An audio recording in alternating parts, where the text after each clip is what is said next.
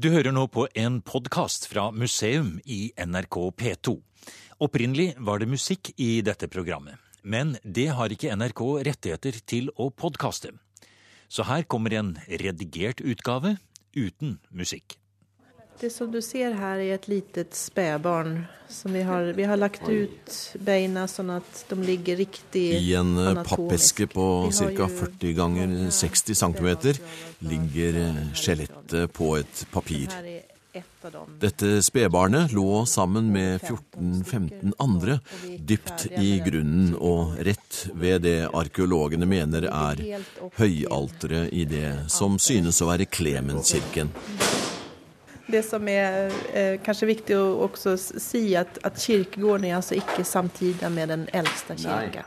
Utan kirkegården ser ut til å komme fra midten av andre halvdel av 1100-tallet, og sikkert en varighet på et par hundre år. Det er arkeolog Anna Petersen ved Norsk institutt for kulturminneforskning som er ansvarlig for utgravningene som pågår midt i Trondheim. Funnene som er gjort, har vakt stor oppsikt. I 200 år har man lett etter denne kirken. Det var her Olavs kiste ble plassert på alteret i 1031, året etter at han ble drept under slaget på Stiklestad. Her startet olavskulten, og det var til denne kirken de første pilegrimene kom. Museum skal også en tur innom Nidarosdomen, hvor Olav den hellige fikk sin endelige grav.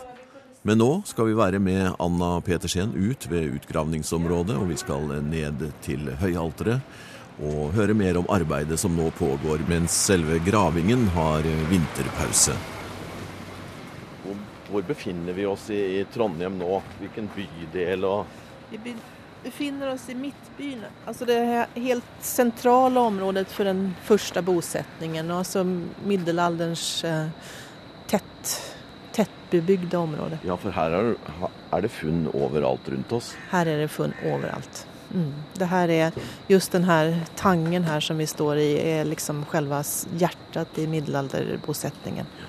Kan du nevne noen funn? Jeg vet det er noe under ved Vi har- biblioteket her. Ja, vi har annat eh, kyrka som ligger under folkebiblioteket Og vi har de store utgravningene som var før det nye biblioteket kom, altså folkebibliotekstomtens utgravninger fra Ja. 1973 til 85.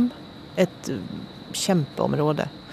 Og vi har denne kirka, vi har utgravningene i Søndre gate precis ved siden av oss. Mm -hmm. ja, så så vi, vi har veldig mye material fra denne delen av byen. Nå sa du Tangen, og det er jo en Tange er jo knytta til sjø. Ja. Da gikk jeg tilbake til eh, landskapet som det var rundt årtusen og, og Ja. før den tiden. Hvordan, hvor, hvor nærme var vi vannet da? Vannet var eh, Vi har jo Kjøpmannsgata på, på venstre side her, og Ja. den, den gikk opp eh, i vollen, halvveis opp i vollen i nåværende Kjøpmannsgata. Nettopp. Og så, så vi regner med en vannstand som var fem meter høyere enn en i dag på 1000-tallet. Og så er det så viktig det her å, skjønne at eh, dels var jo overflaten lå jo mye lavere. Så du hadde mye mer føling med, med elven og vannet Mm. enn hva vi har kanskje i dag. Ja. Og vi har altså to viker. Vi står mellom to viker. En vik som ligger under Cicerones plass, som vi Ja. Nordre vik. ja. Og sen har vi også en stor vik som ligger litt sør-vest for oss her nå, som vi kaller Søndre vik. Så nå er det store spørsmålet hvilken vik var egentlig Skipakrok? Det skal litt trening til å tenke seg området sånn som du forklarer det nå, her vi står. Eh, nede under høye bygninger rundt oss, Mm. moderne og gamle i skjønn eh, forening midt inne i en by. Men hvis man tenker vekk alle husene og, og tenker at man står to meter lavere enn en hva vi gjør nå, du og jeg, så må man tenke seg at elva har, du har hatt følelse av elven, og det her området under biblioteket og videre nordover har, har vært en, en, en tange, egentlig. En sandslette. Litt Ja. høyere. Eh, og så har elven dannet Den har gått inn i Kongens gate og gått opp i Søndre gate. Så, så vår kirke også har ligget veldig nært strandkanten. Og for Klemens kirker så Har ikke det vært et slags kjennetegn? At Ja. de ligger ved ettersom uh... Clemens kirke ligger oftast, veldig ofte nært et vann eller et, et vanndrag eller et uh, uh, sånn vadested eller noe. Det er, Clemens er jo sjøfarernes helgen. Og slaver og den fattiges helgen.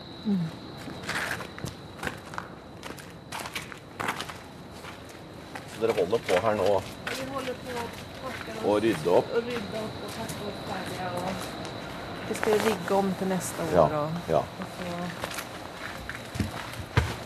Og vi har veldig fine, veldig fine lokaler. ja. Så det her var Senere i programmet skal vi selvfølgelig ned og beskue bokstavelig talt det aller helligste i gravesjakten, nemlig høyalteret. Men først skal vi inn i nabobygningen, hvor arkeologene analyserer og dokumenterer utgravningene som er gjort fram til nå. Når man graver seg så dypt ned i kulturlagene i et middelalderbyområde, gjøres det mange interessante funn fra forskjellige epoker. Barneskjelettene f.eks. er sjeldne og viktige. De er med på å komplettere historien ved Klemenskirken. Nina Elisabeth Valstrand er ekspert på skjeletter. Osteoarkeologi, som det heter. Og hun analyserer de mange funnene som er gjort i det som har vært en egen barnekirkegård. Hva kan du si om eh, det skjelettet der, vi må jo kalle det det? Ja, Det vi kan si, er at det, eh, det er veldig lite. Eh, Det er antageligvis nyfødt. Vi kan ikke bestemme eh, akkurat hvor mange måneder gammelt det er, men jeg antar at det er ca. null til tre måneder. Ja. Og det ser vi på måten beina ikke er fusjonert sammen, så de består av Ah, ja. mange små deler Skjønner. kontra voksne, Ja, voksne mennesker. De har ikke festa seg enda. Er det noe, noe påfallende ved det skjelettet ellers? Eh, ellers ingenting Nei. eh, som er tydelig eh, på det materialet vi har. Men det er derfor vi legger dem ut på den måten her, altså artikulert, for å kunne studere alle unormalheter. Nettopp. Det vi kan si det er også det at særlig barnegravene, de her bitte, bitte små skjelettene, er utrolig godt bevart. Og det er kun på østsiden av kirkegården som skjelettene har denne kvaliteten. På nordsida der vi har voksenindivider, der har vi ikke enn funnet noe barn. Eh, Der er bena veldig, veldig dårlige. Hva er årsaken til forskjelligheten der? Er det, det er Sannsynligvis en forskjell i jordkjemi. Altså kanskje pH-verdien er, er veldig annerledes. Og det er også interessant å se at forholden, bevaringsforholdene varierer. Eller så jordsmonn er veldig forskjellig innenfor veldig små, ja, korte avstander egentlig på dette området. Hvordan behandler dere disse, disse funnene nå? Gjør dere sånn med alle? Um, av skjeletter eh, så Altså, man må være veldig forsiktig. Som du ser her bare på hoftebeinspartiet, og så Ja. at de er veldig skjøre. Så det best, absolutt beste for skjelettene er at når de kommer opp fra bakken og tørkes, så bør de få ligge i ro eh, på en måte. Så altså at de ikke flyttes på. For hver gang man flytter på dem, så, så ødelegges de litt mer. Altså, du ser bare de her små fragmentene her. Og, ja. Der, ja. Um, men for å kunne vurdere eh, skjelettet ordentlig, altså for å kunne si noe om kanskje dødsårsaken, om det er noe sykdomstegn eller sånt, så, så må man legge det ut på den måten her og, og se på hvert enkelt element for å vurdere om det er noe. Hvor viktige er disse i forhold til hele prosjektet deres? Eh, Jeg syns de er veldig, veldig viktige. Og vi har altså per fram til nå så har vi aldri funnet den her eh, Altså en konsentrasjon av et helt bevisst sted der man legger spedbarn eller veldig, veldig unge barn. Vi har jo gravd flere kirkegårder i Trondheim gjennom tidene. Men jeg tror aldri jeg har funnet noe sånt her. Altså en, en barnens gravested på noe vis. Så, men vi har også, just fra Clemens kirke her, så har vi eh, andre gravetyper altså, som vi heller ikke har sett eh, tidligere i Trondheim. Så det ser ut som at, at denne kirkegården knyttet til kirke her har, har en helt egen eh, eh, Ja, det er i alle fall noe annerledes i forhold til andre kirkegårder. Arkeolog eh, Ingeborg Sele har eh, lang erfaring fra København med utgravninger i bymiljø. Utfordringen er å holde styr på alle kulturlagene, og stedet det nå graves i, har rester etter over 1000 års menneskelig aktivitet. Men det er ikke slik at det som ligger dypest, nødvendigvis er eldst. Det her er hvordan den ser ut for oss som arkeologer. Det var veldig skjematisk. Ja, liksom, liksom, er liksom Matrix-aktig. Ja. ja. Eh, det er rett og slett en modell, det vi kaller for en Harris Matrix, som gjør at vi kan bygge opp de stratigrafiske elementene på, på siten. Hva kalte du det? Statografiske? Strategrafiske. Strategrafisk. Ja, redd, og det er, det er, jo egentlig bare et fancy ord for å si uh, hva er først, og hva er sist. Ikke sant? Du kan se for deg en sånn geologisk profil. Mm. Og det er jo det samme vi gjør med kulturlag. Mm. For å se hva er yngst, hva er mm. eldst. Mm. Hva har kuttet disse lagene. Ja. selv om noe er dypt, så behøver ikke det å bety at det er tidlig. Å nei. nei. For da har vi f.eks. rørgrøfter ja. fra 40-tallet. Og de har jo bare kutta vet du, gjennom alt. Nettopp. Gjennom fem-seks meter med Så en kan bli lurt av ting som har sneket seg ned i de Veldig lurt av det. Mm. Akkurat. Så, og det er det som er så viktig for oss når vi jobber at vi klarer å se hva er det som hva skal fjernes først her? Mm. Hvordan har det her oppstått? Hvordan har de kulturlagene blitt akkumulert? Mm. Hva er prosessene? Det er mm. prosessene vi er interessert i. Det er det som gjør at vi kan skille ut ulike faser, f.eks. Og at vi kan se f.eks. at denne brønnen her oppe, brønnhuset her, det er eldre enn bingene vi har her. Og sånne ting. Og den igjen er yngre enn disse lagene vi har her, f.eks. Ja. Og da deler vi inn i ulike faser. Og det, det du ser her, det er, det er kirken. Nettopp. Mm. Som bare består av masse firkanter ja, overfor ja, hverandre akkurat nå. Men um, også omkring der har du da eh, kirkegård på tre sider. Mm. Og når vi graver neste år, så kommer sikkert denne matrisen, altså hvordan disse forholder seg til hverandre, de ja. ulike elementene, det kommer til å endre seg. Ja. Ettersom vi graver oss lenger ned. Det er mye detaljarbeid og mye tankearbeid òg, da? Mye. Man kan si uh, Utgravninga er én del av det, og det er en veldig stor og viktig del av det. Det er der vi liksom er nødt til å sikre dokumentasjonen, fordi det er den eneste muligheten vi har. Det er når vi er i felt, til å sikre det. Mm. Men det er jo nå i etterarbeidet vi faktisk går igjennom og sjekker at alt er som det skal. Og det er her vi kan begynne med tolkningene våre. Det er her vi kan begynne den prosessen med å forstå mm. eh, selve utgravninga. Mm. Hva har din oppgave vært der ute i feltet? Min oppgave er hovedsakelig å holde styr på, på alle. Holde styr på hele stratigrafien på utgravninga. Det er min oppgave. Å holde styr på hva skal man si, dokumentasjonen, eh, dokumentasjonsprosessen av de ulike kulturlagene, eller kontekstene, som vi kaller det. Og det er kjempeviktig, spesielt når vi har en så kompleks eh, utgravning som det her. Vi har kulturlag i nesten fem meter. Eh, det er veldig vanskelig å grave. Og det er vanskelig å forholde seg til hva som skal fjernes først, og hva, som, hva er tidligst her i den sekvensen. Mm. Her er dette teltet, hvor, hvor, mange kvadratmeter er det av du? Dere jobber innunder her? Det er vel 150 kvadrat, kanskje. Ja. Feltet er ikke riktig så stort nå, men, men teltet er såpass stort. Ja. Um, vi driver og forbereder neste sesong, og, og det skal Feltet skal utvidges, vi skal dypere ned, og det vil si at vi må ha mer plass på sidene og etablere graveskråninger. Ja. Sånn at vi virkelig kan eh, jobbe trygt og i forhold til HMS eh, föreskrifter. Kan vi gå ned der nå, eller? Ja, det skal ja. vi gjøre. Når du går inn her nå, så er det, det er liksom litt utfordringer. Det er to spennebånd precis. Ett her når du kommer inn. Ja. Men Ingeborg og jeg, vi kan, vi kan stå her så den går. Skal vi se. Nå huker vi oss ned. Så nå ser vi ned i en eh, grav. Der er det en del presenninger og sånn. Vi har dekket til med, med vintermatter fordi vi, eh, vi, vil ikke ha noe frost ned over vinteren her nå. Nå har det vært en våt og det blir sannsynligvis en våt vinter, men man vet aldri. Altså, hvis det blir kaldt og det fryser, så, så, og sen tiner igjen, så gir det skader på, på kulturlag og stein og steinkonstruksjoner.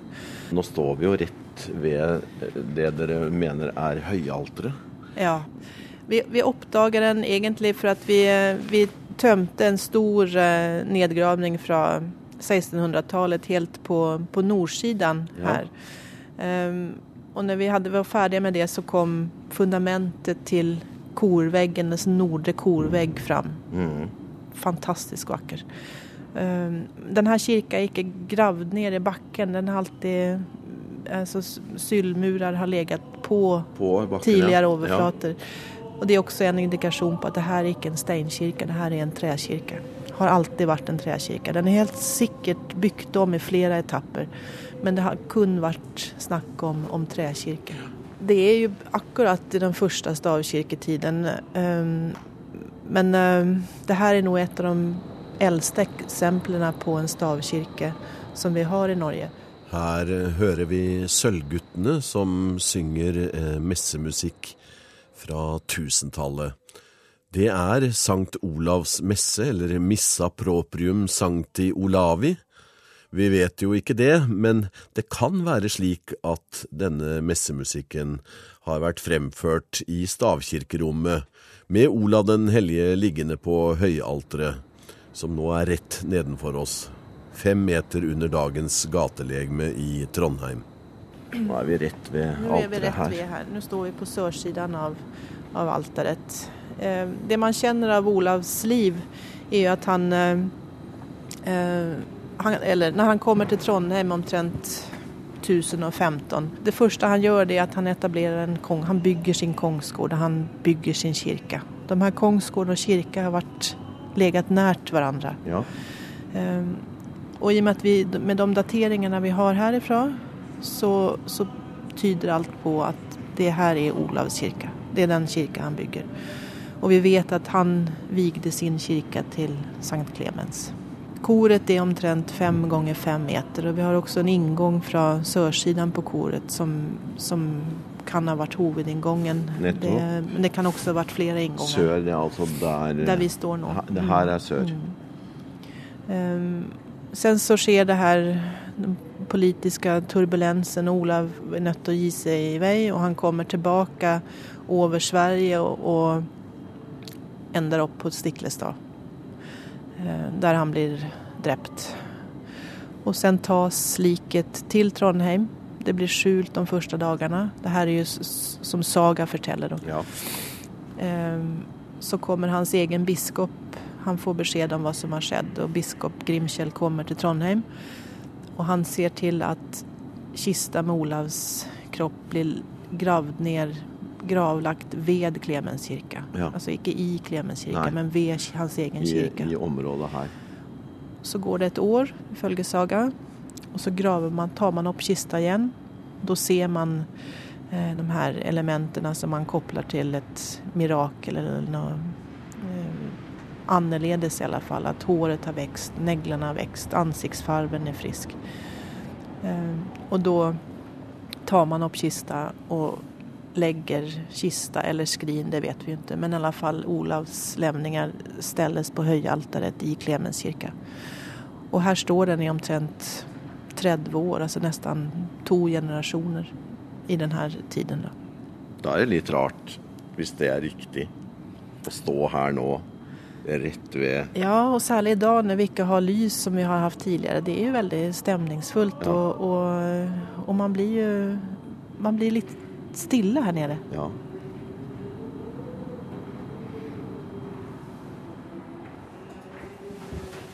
Vi tar, tar igjen døra her. Ja. Oi. Se. I fars hus er det mange rom. Ja. Ja, det, vi har eh, forflytta oss fra utgravningsstedet til kapittelhuset i Nidarosdomen. Arkeolog eh, Øystein Ekroll har domen som sin arbeidsplass. Og Olavsmyten er selvfølgelig helt sentral i alt han gjør, som ansatt i domkirkens restaureringsarbeider. Og Det er litt spesielt med Olav at det er nettopp de plassene der han oppholdt seg, både som levende og død, ble veldig viktige. Fordi liket hans var jo intakt gjennom hele middelalderen. Så dermed hadde man ikke fysiske relikvier en finger eller en tå eller en arm av Olav forskjellige plasser. Det var en hel kropp som man måtte hit for å oppleve. Og Derfor var de plassene så viktige. Altså Fra 1030 til eh, omkring 1100 så ser det ut til at det, den kista med hans eh, balsamerte eller mumifiserte lik var oppbevart iallfall fire forskjellige plasser her i Trondheim. Fra 1030 til 1090-1100. Og eh, vi har jo vært litt i tvil om, eh, bortsett fra Nidarosdomen her, der alteret står da over det som skal være Olavs grav, så har jo de tre andre plassene har vi visst om skriftlig, men vi har jo ikke arkeologisk hatt sikre spor etter Nei. disse plassene. Og Nei. nå har vi kanskje fått fast eh, fisk ved at vi har kanskje begynnelsen på det hele med denne Klemenskirka. Olavskulten oppstår jo veldig fort. Altså Bare et år etter Olav var drept, så er han jo erklært som helgen ja. i 1031. Ja. Og de plassene som da knytter seg til der Olav har stått eller gått eller var, var gravlagt, det ble jo da veldig viktige plasser med en gang. Selv om, så selv om kista med Olav har flytta seg fra plass til plass i Trondheim, så er det da, virker det da som, og det er jo virkelig nytt og spennende, at det, det plassene der han hans kiste og hans lik sto, om det så var i korte perioder, har altså fått en veldig viktig rolle utover i middelalderen. Og vi kan kanskje begynne å ane at det pilegrimene har hatt en slags løype i byen, der man har fulgt Olavs eh, vandring som helgen, som lik, mm. gjennom byen. Mm. Og det ligger jo nær å tenke seg da at det vi vet at 29.07 hvert år så tok man ut Olavsgrina, bar det i prosesjon rundt i byen. Nettopp. Og så vet ikke vi så veldig mye mer. Nei. Men dette gjør det jo lett å tenke seg at det man har hatt visse faste stasjoner, der man på en måte har gjenskapt og gjenopplevd Olavs vandring eh, som, eh, som, lik, kan vi si, eh, og helgen gjennom byen. Og det er derfor at denne plassen som nå ser ut til å ha blitt funnet, også har spilt en rolle, ikke bare tvers igjennom middelalderen, men faktisk kanskje ser det ut til også en periode etter at middelalderen tok slutt, altså etter reformasjonen. Vi har vært veldig nøye med å, å, ikke si mer enn det vi faktisk kan stå inne for. Det er jo lett at man blir litt fanget av fartsvinden.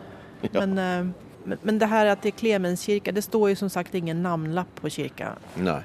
Men det er en kombinasjon av hvordan landskapet så ut ved denne tiden, hva vi har annet i området. Eh, var, altså den topografiske situationen, våre dateringar. Det her er helt uomtvistlig en veldig, veldig tidlig mm. trekirke. Mm.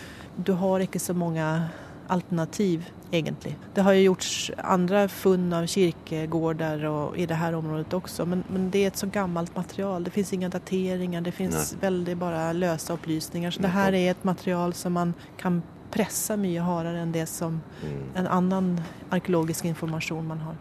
Og sagaene eh, gir vel også en slags eh, støtte eller veiledning her? Ja, og vi har også et, et viktig dokument som kalles Vekterruten, som er egentlig en altså hvordan vekterne skulle passe på byene nattestid. Den ja. fins både fra Bergen og den fins fra Trondheim.